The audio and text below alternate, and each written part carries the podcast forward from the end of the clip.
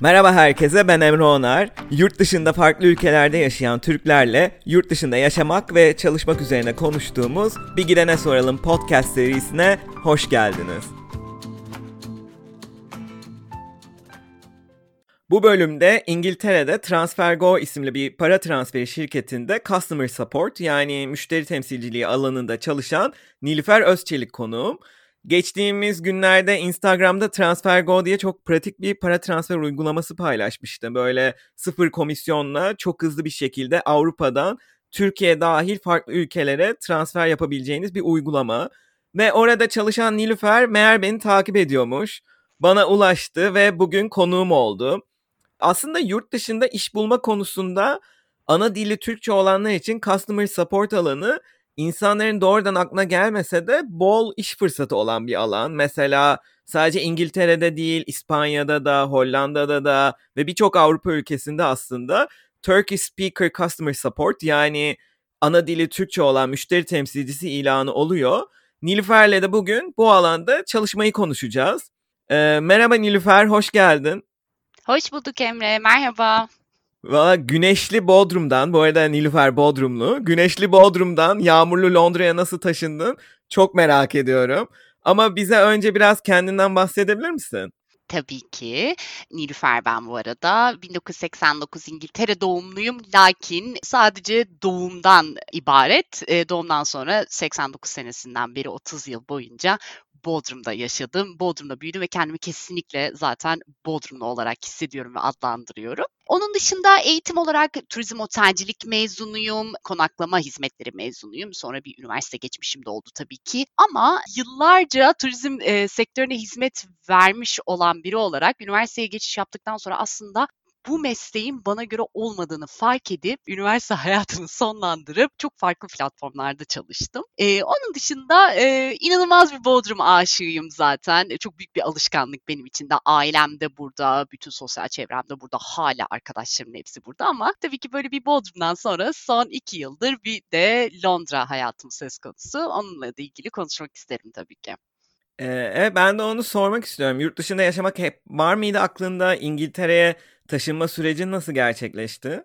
Şimdi şöyle söyleyeyim Emre'ciğim aslında bir yurt dışına taşınma durumu her zaman söz konusuydu benim ailemin içerisinde. Çünkü e, benim babamın da bir yurt dışı geçmişi var, annemin de bir yurt dışı geçmişi var ama tabii ki onlar 87 senesinden beri artık Bodrum'da yaşıyorlar. Bodrum'da ikamet ediyorlardı. Ve zaten bütün o eğitim hayatım boyunca, sosyal hayatım boyunca her zaman benim İngiltere'ye taşınmamı istiyorlardı açıkçası. Ama e, ben hiçbir zaman Londra'ya e, zamanımdan önce ya da İngiltere'ye zamanımdan önce gitmeyi hiçbir zaman düşünmedim açıkçası. Ta ki iki yıl öncesine kadar kadar. Çünkü Bodrum'da şöyle bir şey var. Evet Bodrum güzel, e, turizm açısından da çok güzel ama yerel halk kaldığı zaman aslında büyük fırsatların kol gezdiği bir yer değil maalesef. Evet turizm alanında geniş, başka platformlarda da geniş ki ben çevirmenlik de yapıyordum Bodrum'da. Ama maalesef ki böyle bir arpa boy yol alamamak deyimiyle beraber artık hani fazla bir şey yapamayacağımı hissetmeye başladım Bodrum'da başka platformlarda kendimi geliştirmeye çalıştım. Mesela yemek alanında, mutfak sanatları akademisi alanında vesaire bunlarda bir restoran bile açmak istedim. Ama olmadı. Şansım yaver gitmedi. O zaman dedim ki neden duruyorum? Ben yurt dışına taşınıyorum. Bu açıkçası bu teklifle ben gittim aileme bu sefer. E, hali hazırda o sırada da e, internette gezinirken TransferGo'nun e, iş ilanına denk geldim ve neden olmasın dedim başvurdum. Daha sonradan da zaten direkt beni görüşmeye çağırdılar. Hani her şey böyle bir iki hafta içerisinde gelişiyor bu arada. Çünkü iki hafta içerisinde benim yurt dışına apar topar taşınmam bekleniyor. Tamam, okey buna da tamam dedim. Ve gerçekten e, karar verdikten yaklaşık iki hafta sonra her şeyi geride bırakıp hiçbir şey olmamış gibi bavullarımı toplayıp aileme veda edip 30 yıl yaşadığım yere de veda edip arkadaşlarıma da veda edip tüm düzenime veda edip en önemlisi ben yurt dışına taşındım. Londra'ya taşındım. Ve akabinde zaten tüm kapılar açıldı. TransferGo'da iş imkanım oldu. E, teklif ettiler, kabul ettim. Akabinde iki haftalığına bir eğitim aşaması için beni Litvanya'ya gönderdiler vesaire. Yani aslında tüm bu olan şeylerin arasında Bodrum'a veda etmek benim için en zoruydu. Ama hiçbir şekilde de adaptasyonda bir sorun yaşamadım o konuyla ilgili. İki haftada da çok acele ya. Bir önceki konuğum da iki hafta içinde taşındım demişti. Ben böyle bir afallamıştım hani insanın hani dediğin gibi kendini hazırlaması aslında bir süreç.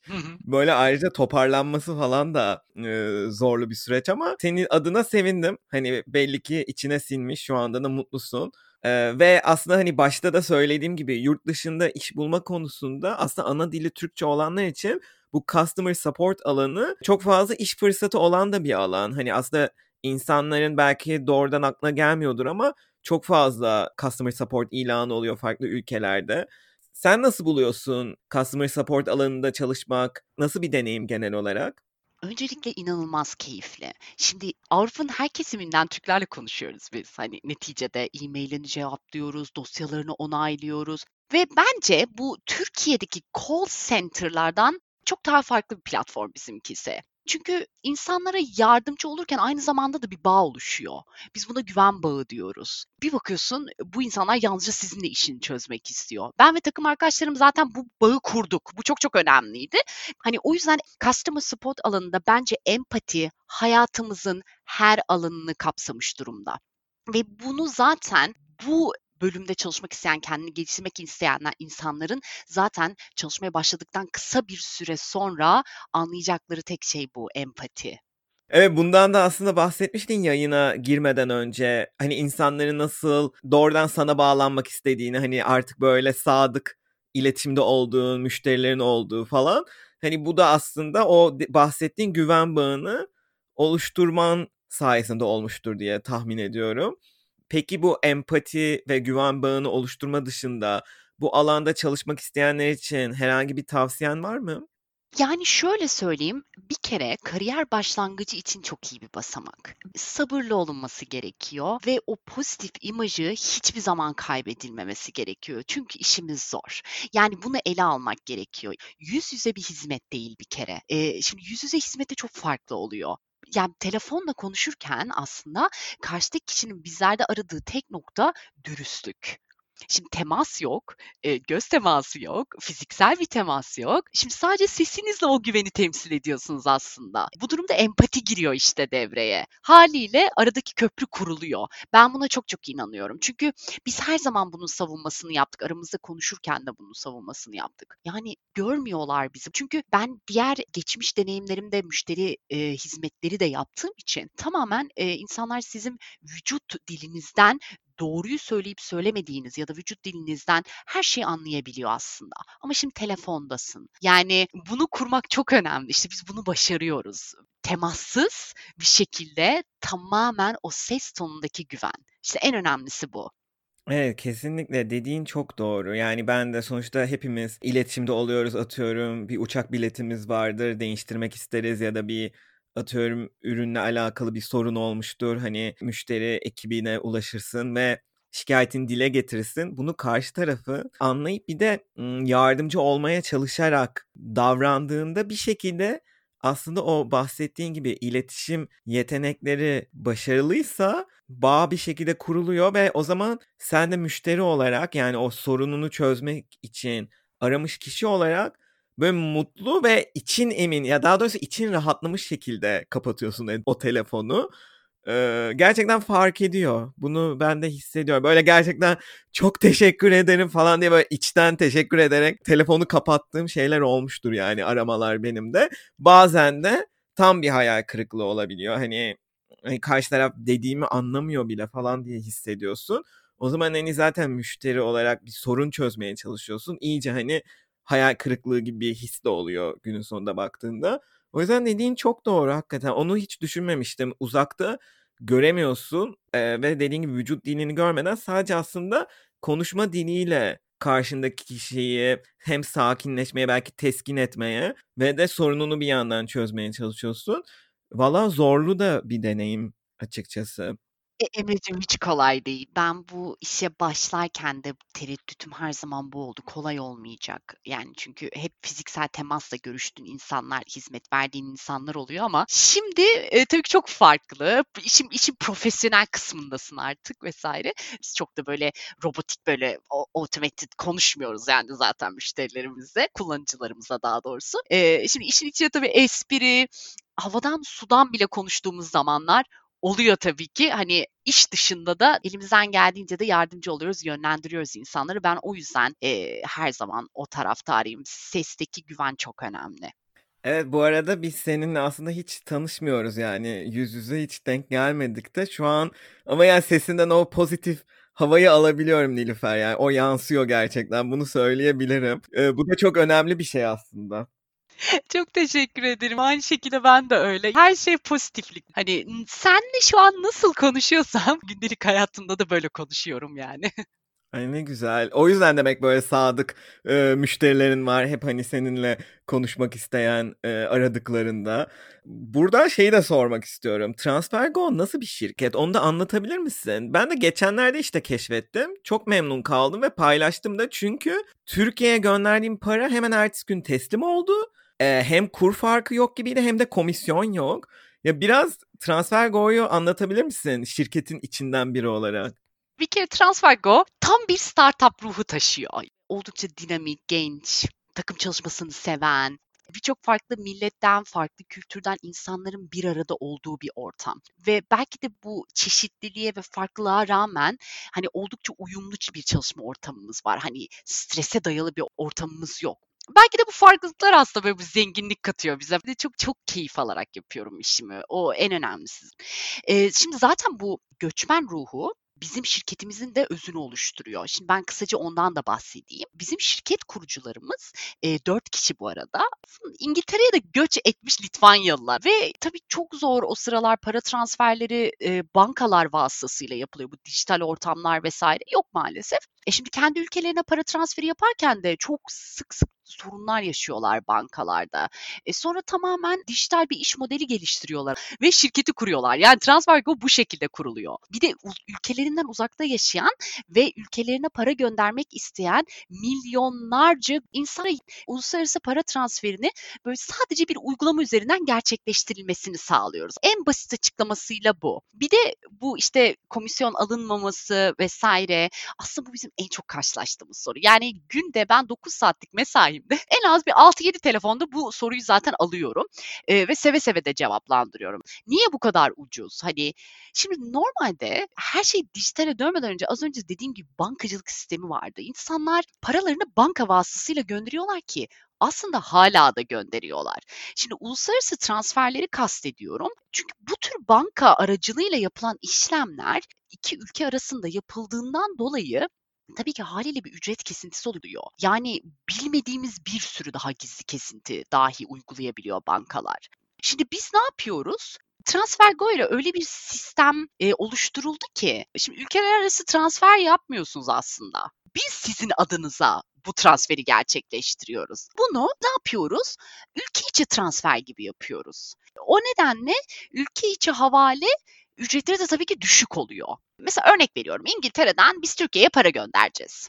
Biz size diyoruz ki biz sizin transfer emrinizi alıyoruz. Parayı bizim İngiltere'deki işte örnek veriyorum banka hesabımıza yatırın veya yapmak istiyorsanız kredi kartıyla ödeme yapın diyoruz. Türkiye'deki alıcıya ödenmesi gereken tutarı paranın bize ulaşmasından sonra Türkiye'deki banka hesabımızdan ilgili alıcıya biz gönderiyoruz parayı.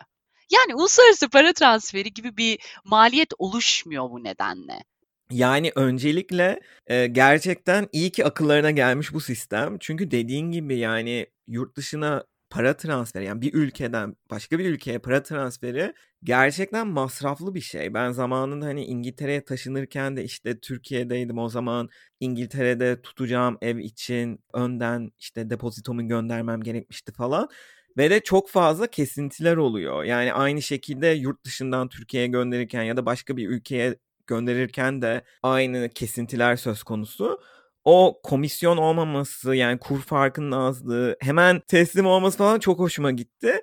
Bir de mesela Türkiye'deki kredi kartımı doğrudan ödeyebilmiş oldum. Yok işte önce bankama atayım oradan kredi kartıma göndereyim falan. Olmadı bence o yüzden de hani özellikle burada detaylı anlatıyorum. Çünkü göçmen olarak hani dinleyen birçok kişinin işine yarayacak bir sistem diye hazır seni de bulmuşum. Bunları sorayım istiyorum hem de bir yandan anlatayım istiyorum herkesin haberi olsun diye. Bu şekilde bu sistem o zaman e, yani iki ülke arası transfer gibi göstermeyerek böyle komisyonları düşük tutabiliyorsunuz. Doğru anladım değil mi? Doğrudur Emre'ciğim. Bunu ülke içi olarak yapıyoruz. Yani siz örneğin İngiltere'den Türkiye'ye para göndermek istediğinizde biz size diyoruz ki tamam siz transferinizi yapın bizim İngiltere'deki şu bankamıza yapın. Biz transfer emrinizi alıyoruz. İsterseniz kartla ödeme yapın diyorum. Daha sonradan biz Türkiye'deki alıcıya ödenmesi gereken tutarı paranın bize ulaşmasından sonra Türkiye'deki banka hesabımızdan ilgili alıcıya çıkarıyoruz. Yani uluslararası para transferi gibi bir maliyet oluşmuyor bu nedenle. Tamamen TransferGo'nun çalışma sistemi bu. Hmm, çok güzelmiş. Bayağı hayran kaldım yani. İyi ki e, akıllarına gelmiş.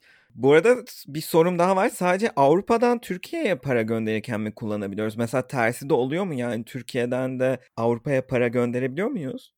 Şimdi şöyle söyleyeyim ben şu anda Avrupa'dan çıkışlı 65'ten fazla ülkeye zaten para transferi sunuyoruz. Oo. Türkiye için ise sadece Avrupa'dan Türkiye'ye transferlerimiz mevcut ama çok yakında Türkiye'den de olacak şekilde başlıyoruz. Ay süper. Bu güzel habere de sevindim açıkçası. Yani Türkiye'de yaşayan ve Avrupa'ya para transferi yapmak isteyen birçok insanın da hayatını kolaylaştıracak bir uygulama gerçekten. Ben çok şaşırmıştım kullandığımda ne kadar pratik olduğuna. Customer support konusuna da geri dönecek olursa böyle hiç tatlı böyle gülümsetecek bir anın ya da başına gelen enteresan bir hikayen var mı? Şimdi hikayeden ziyade her gün var. Yani, eee, çok ciddi söylüyorum, 9 saatlik mesaimizin gülmeyerek geçirdiğimiz bir gün yok. İnanılmaz keyifli. Ama tabii ki, hani, birkaç tane var aklımda olan, paylaşabileceğim böyle çok tatlı bir hikâyem var aslında. Şimdi bu pandemi süreci, eee, hâliyle şirkete gelemiyoruz, evden çalışmaya başladık vs.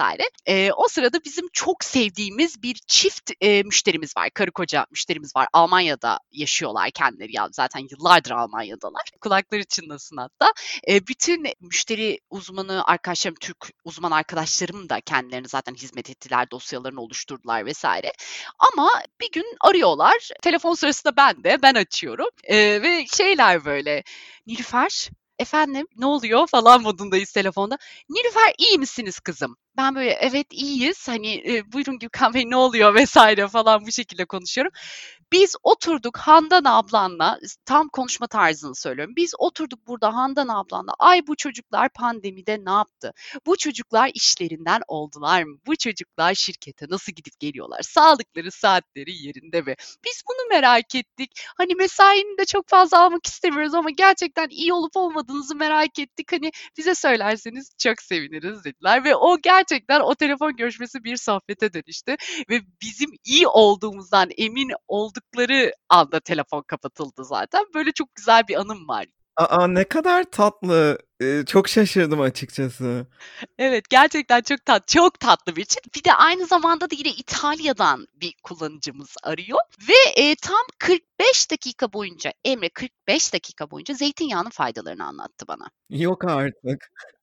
Evet, gerçekten. Yani bu pandemi sürecinde, eee, zeytinyağının faydaları, zeytinyağını ne sıklıkla tüketmemiz gerektiğini, eee, kahvaltıda ne yememiz gerektiğini, işte bünyemizi nasıl sağlam tutmamız gerektiğini, ek gıdalar, ek takviyeler, sadece bundan bahsettik ve en sonunda böyle yaptı. "Nilüfer Hanım, bu arada benim param ne oldu? Bugün gidecekti, mesai bitimine kadar ulaşır mı?" Tek sorduğu soru oydu, en son. Yani onun dışında yine çok çok keyifli telefon görüşmelerimiz de tabii ki oluyor ama aklıma gelen en tatlı 2 tanesi buydu. Gerçekten çok tatlıymış. Özellikle, yani, eee, nasıl işiniz, eee, yerinde mi, sağlığınız yerinde mi diye arayıp sormaları çok gerçekten tatlıymış. Gerçekten o bağı kurmuşsun. Valla ne diyeyim, tebrik ederim Nilüfer yani. Dediğim gibi zaten, yani, o sıcaklığın şeyden, ses kaydından duyuluyor, sesinden duyuluyor direkt. Eee, yani, buraya yansıyor. Dediğim gibi çok sevindim katıldığına ve şeyi de soracağım, yani, anladım ki sen bu pozitifliğini bence birazcık Bodrum gibi böyle 4 mevsim güneşli bir yerden gelmenden de alıyor olabilirsin biraz. Peki, yani, Bodrum gibi böyle yazları da, hani, büyük şehirlerin curcunasını aratmasa da aslında kışları huzurlu bir kasaba Bodrum sonuçta. Böyle bir anda Londra gibi büyük bir şehre taşınıp adapte olmak nasıl oldu? İnanılmaz bir psikoloji. Öncelikle onu söyleyeyim. Hani, yaşamayan gerçekten bilmez. Hani, çok çok farklı bir psikoloji ki benim en çok korktuğum şey oydu zaten. Bodrum küçük bir yer. Benim burada bisikletim var. Ben her yere yürüyerek gidiyorum. Toplu taşıma aracı kullanmıyorum. Yani en komiği o. Bu modda küçük bir kasabada büyüyorsun. Esnafla zaten iç içesin. Herkesle iç içesin. Herkes birbirini tanıyor. E, tamam yazın evet popülasyonumuz 170 binden 2 milyona fırlıyor ama biz yine idare ediyoruz Bodrumlar olarak. Ama dediğim gibi hani sosyal açıdan da bir yalnızlık psikolojisi de yok. Çünkü çocukluktan beri büyüdüğün insanlarla birliktesin. Aslında farklı insanlar da tanımıyorsun. Bodrum dışında bir şehre gittiğin zaman o şehirde çok yabancı hissediyorsun. Yani ben metropol bir şehirde büyümedim. Hani İzmir, Ankara, İstanbul. Bu curcuna, bu kaosu yaşamadım. E şimdi haliyle sen Bodrum'dan çık, bir de İngiltere'nin başkenti Londra'ya yürü. Benim en çok korkum oydu. Acaba ne yapacağım? Toplu taşıma aracı ne yapacağım? İşte bunların trenleri var ne yapacağım? İşte ben bir yerden bir yere giderken toplu taşıma aracı nasıl kullanacağım? Mesela hep bu soru işaretleriyle gittim. Çünkü bilmiyorum, görmemişim yani. Hani bunu net bir şekilde de söylüyorum. Bilmiyorum. E ne oldu? Adaptasyonda çok büyük bir sorun yaşamadım aslında yani İngiltere'ye taşındıktan sonra Londra özellikle Londra'ya taşındıktan sonra bir hafta sonra zaten Litvanya'daydım. İki hafta sonra Litvanya'dan döndüm, işe başladım. Yani benim öyle bir boşluğum olmadı. Hıı. Ne yapacağım acaba ben? Şunu da nasıl halletsem diyebileceğim bir alanım olmadı. Taşındım ve taşındıktan hemen sonra çalışmaya başladım. Hımm. Belki de adaptasyon sürecinde aslında en büyük etken bu oldu. Yani doğrudan böyle bir rutinin olunca, hani, iş hayatına doğrudan girince, eee, zaten, hani, belki de adapte oldum mu olmadı mı bunu düşünmeye, eee, zamanın kalmamıştır. Peki adaptasyon sürecine dair var mı böyle tavsiyelerin? Tam senin dediğin gibi benim adapte olmaya vaktim olmadı. Tamamen kendimi bir anda işin içine buldum. Bir anda iş arkadaşlarım oldum. E, tabii ki sosyal çevreyi de kurmaya başladım. O yüzden büyük bir eksiklik yaşamadım. Ama bu adaptasyon sürecine dair verebileceğim bir tavsiye tabii ki var.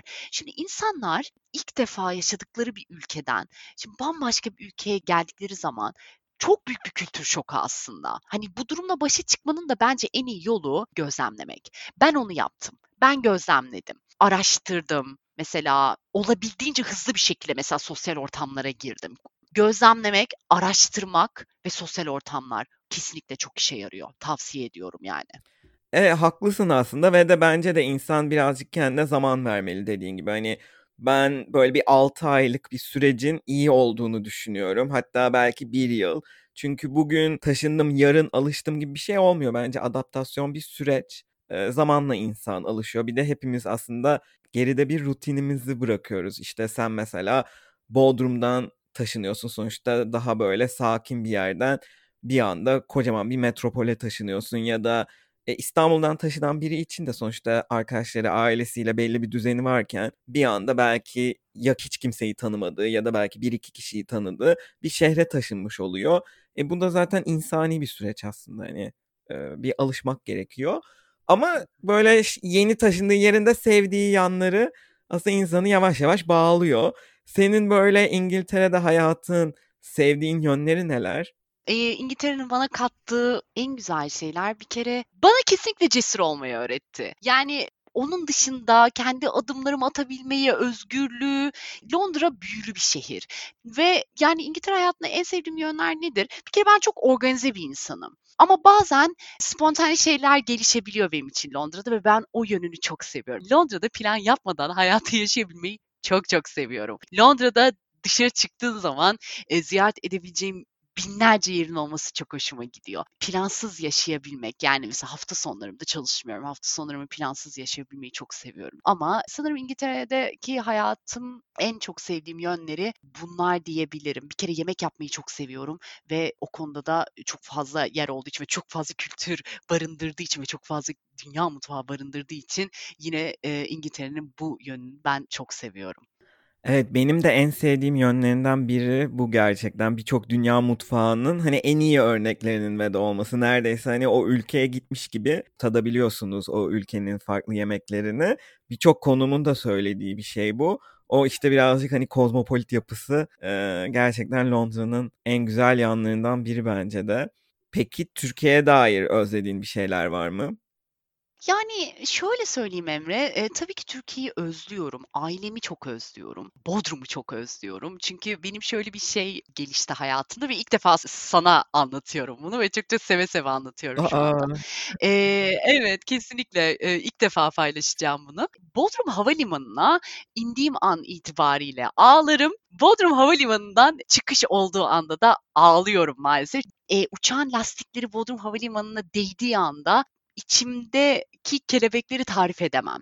Aynı şekilde giderken de. İnanılmaz bir his ve evim burası benim. Her ne olursa olsun burası evim. Ailem burada, canım arkadaşlarım burada, çocukluğum burada.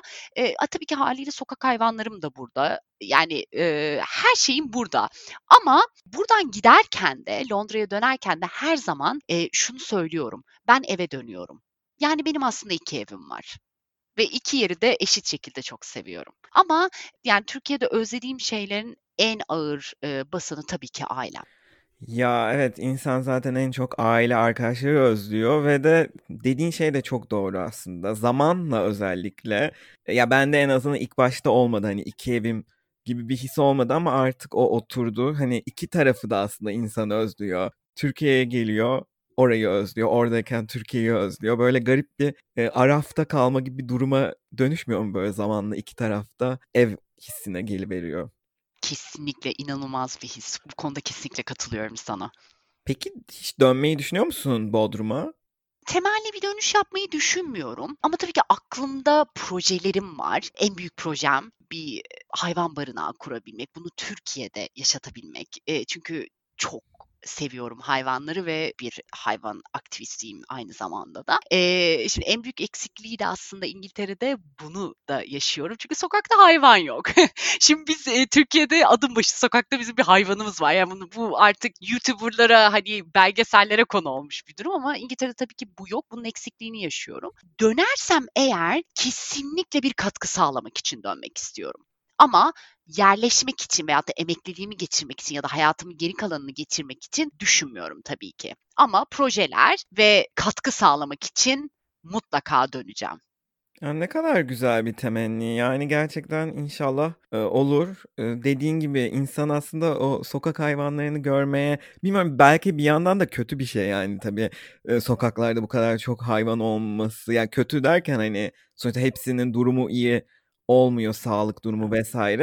Bi ama bir yandan da, hani, herkes seviyor onları. Böyle şey arada kaldığım bir durum. Hani, iyi mi bu, kötü mü? Ama hepimiz özlüyoruz sanırım onu, hani, sokaklarda görmeye, sevmeye alıştığımız için kedileri, köpekleri. Böyle yurt dışına gidince, eee, bunu da söyleyen olmuştu birkaç konuğum. Hani, sokak hayvanlarını görmeyi özlüyorum falan diye. Bu şekilde benim aklımda başka bir soru yok. Çok teşekkür ederim o zaman katıldığın için, zaman ayırdığın için. Gerçekten çok keyifli bir sohbet oldu. Enerjin, eee, resmen geçti bana da yani. Çok teşekkürler. Her şey karşılıklı. Kesinlikle seve seve sorularını cevapladım. Ben de inanılmaz sevdim enerjini zaten. Umuyorum ki bir gün yine bir yerde karşılaşırız. Evet, İngiltere'deki bu COVID önlemleri biraz esneyince yüz yüze de tanışırız inşallah. Gerçekten çok isterim. Kesinlikle yapalım bunu. Kendine iyi bak o zaman Nilüfer. Eee, çok teşekkür ederim katıldığın için. Dinlediğiniz için çok teşekkürler. Farklı alanlardaki insanların hikayelerini dinlemek için takipte kalmaya devam edin. Ayrıca Instagram ve Twitter'da Bir Gidene Soralım hesaplarını da takip edebilirsiniz. Hoşça kalın.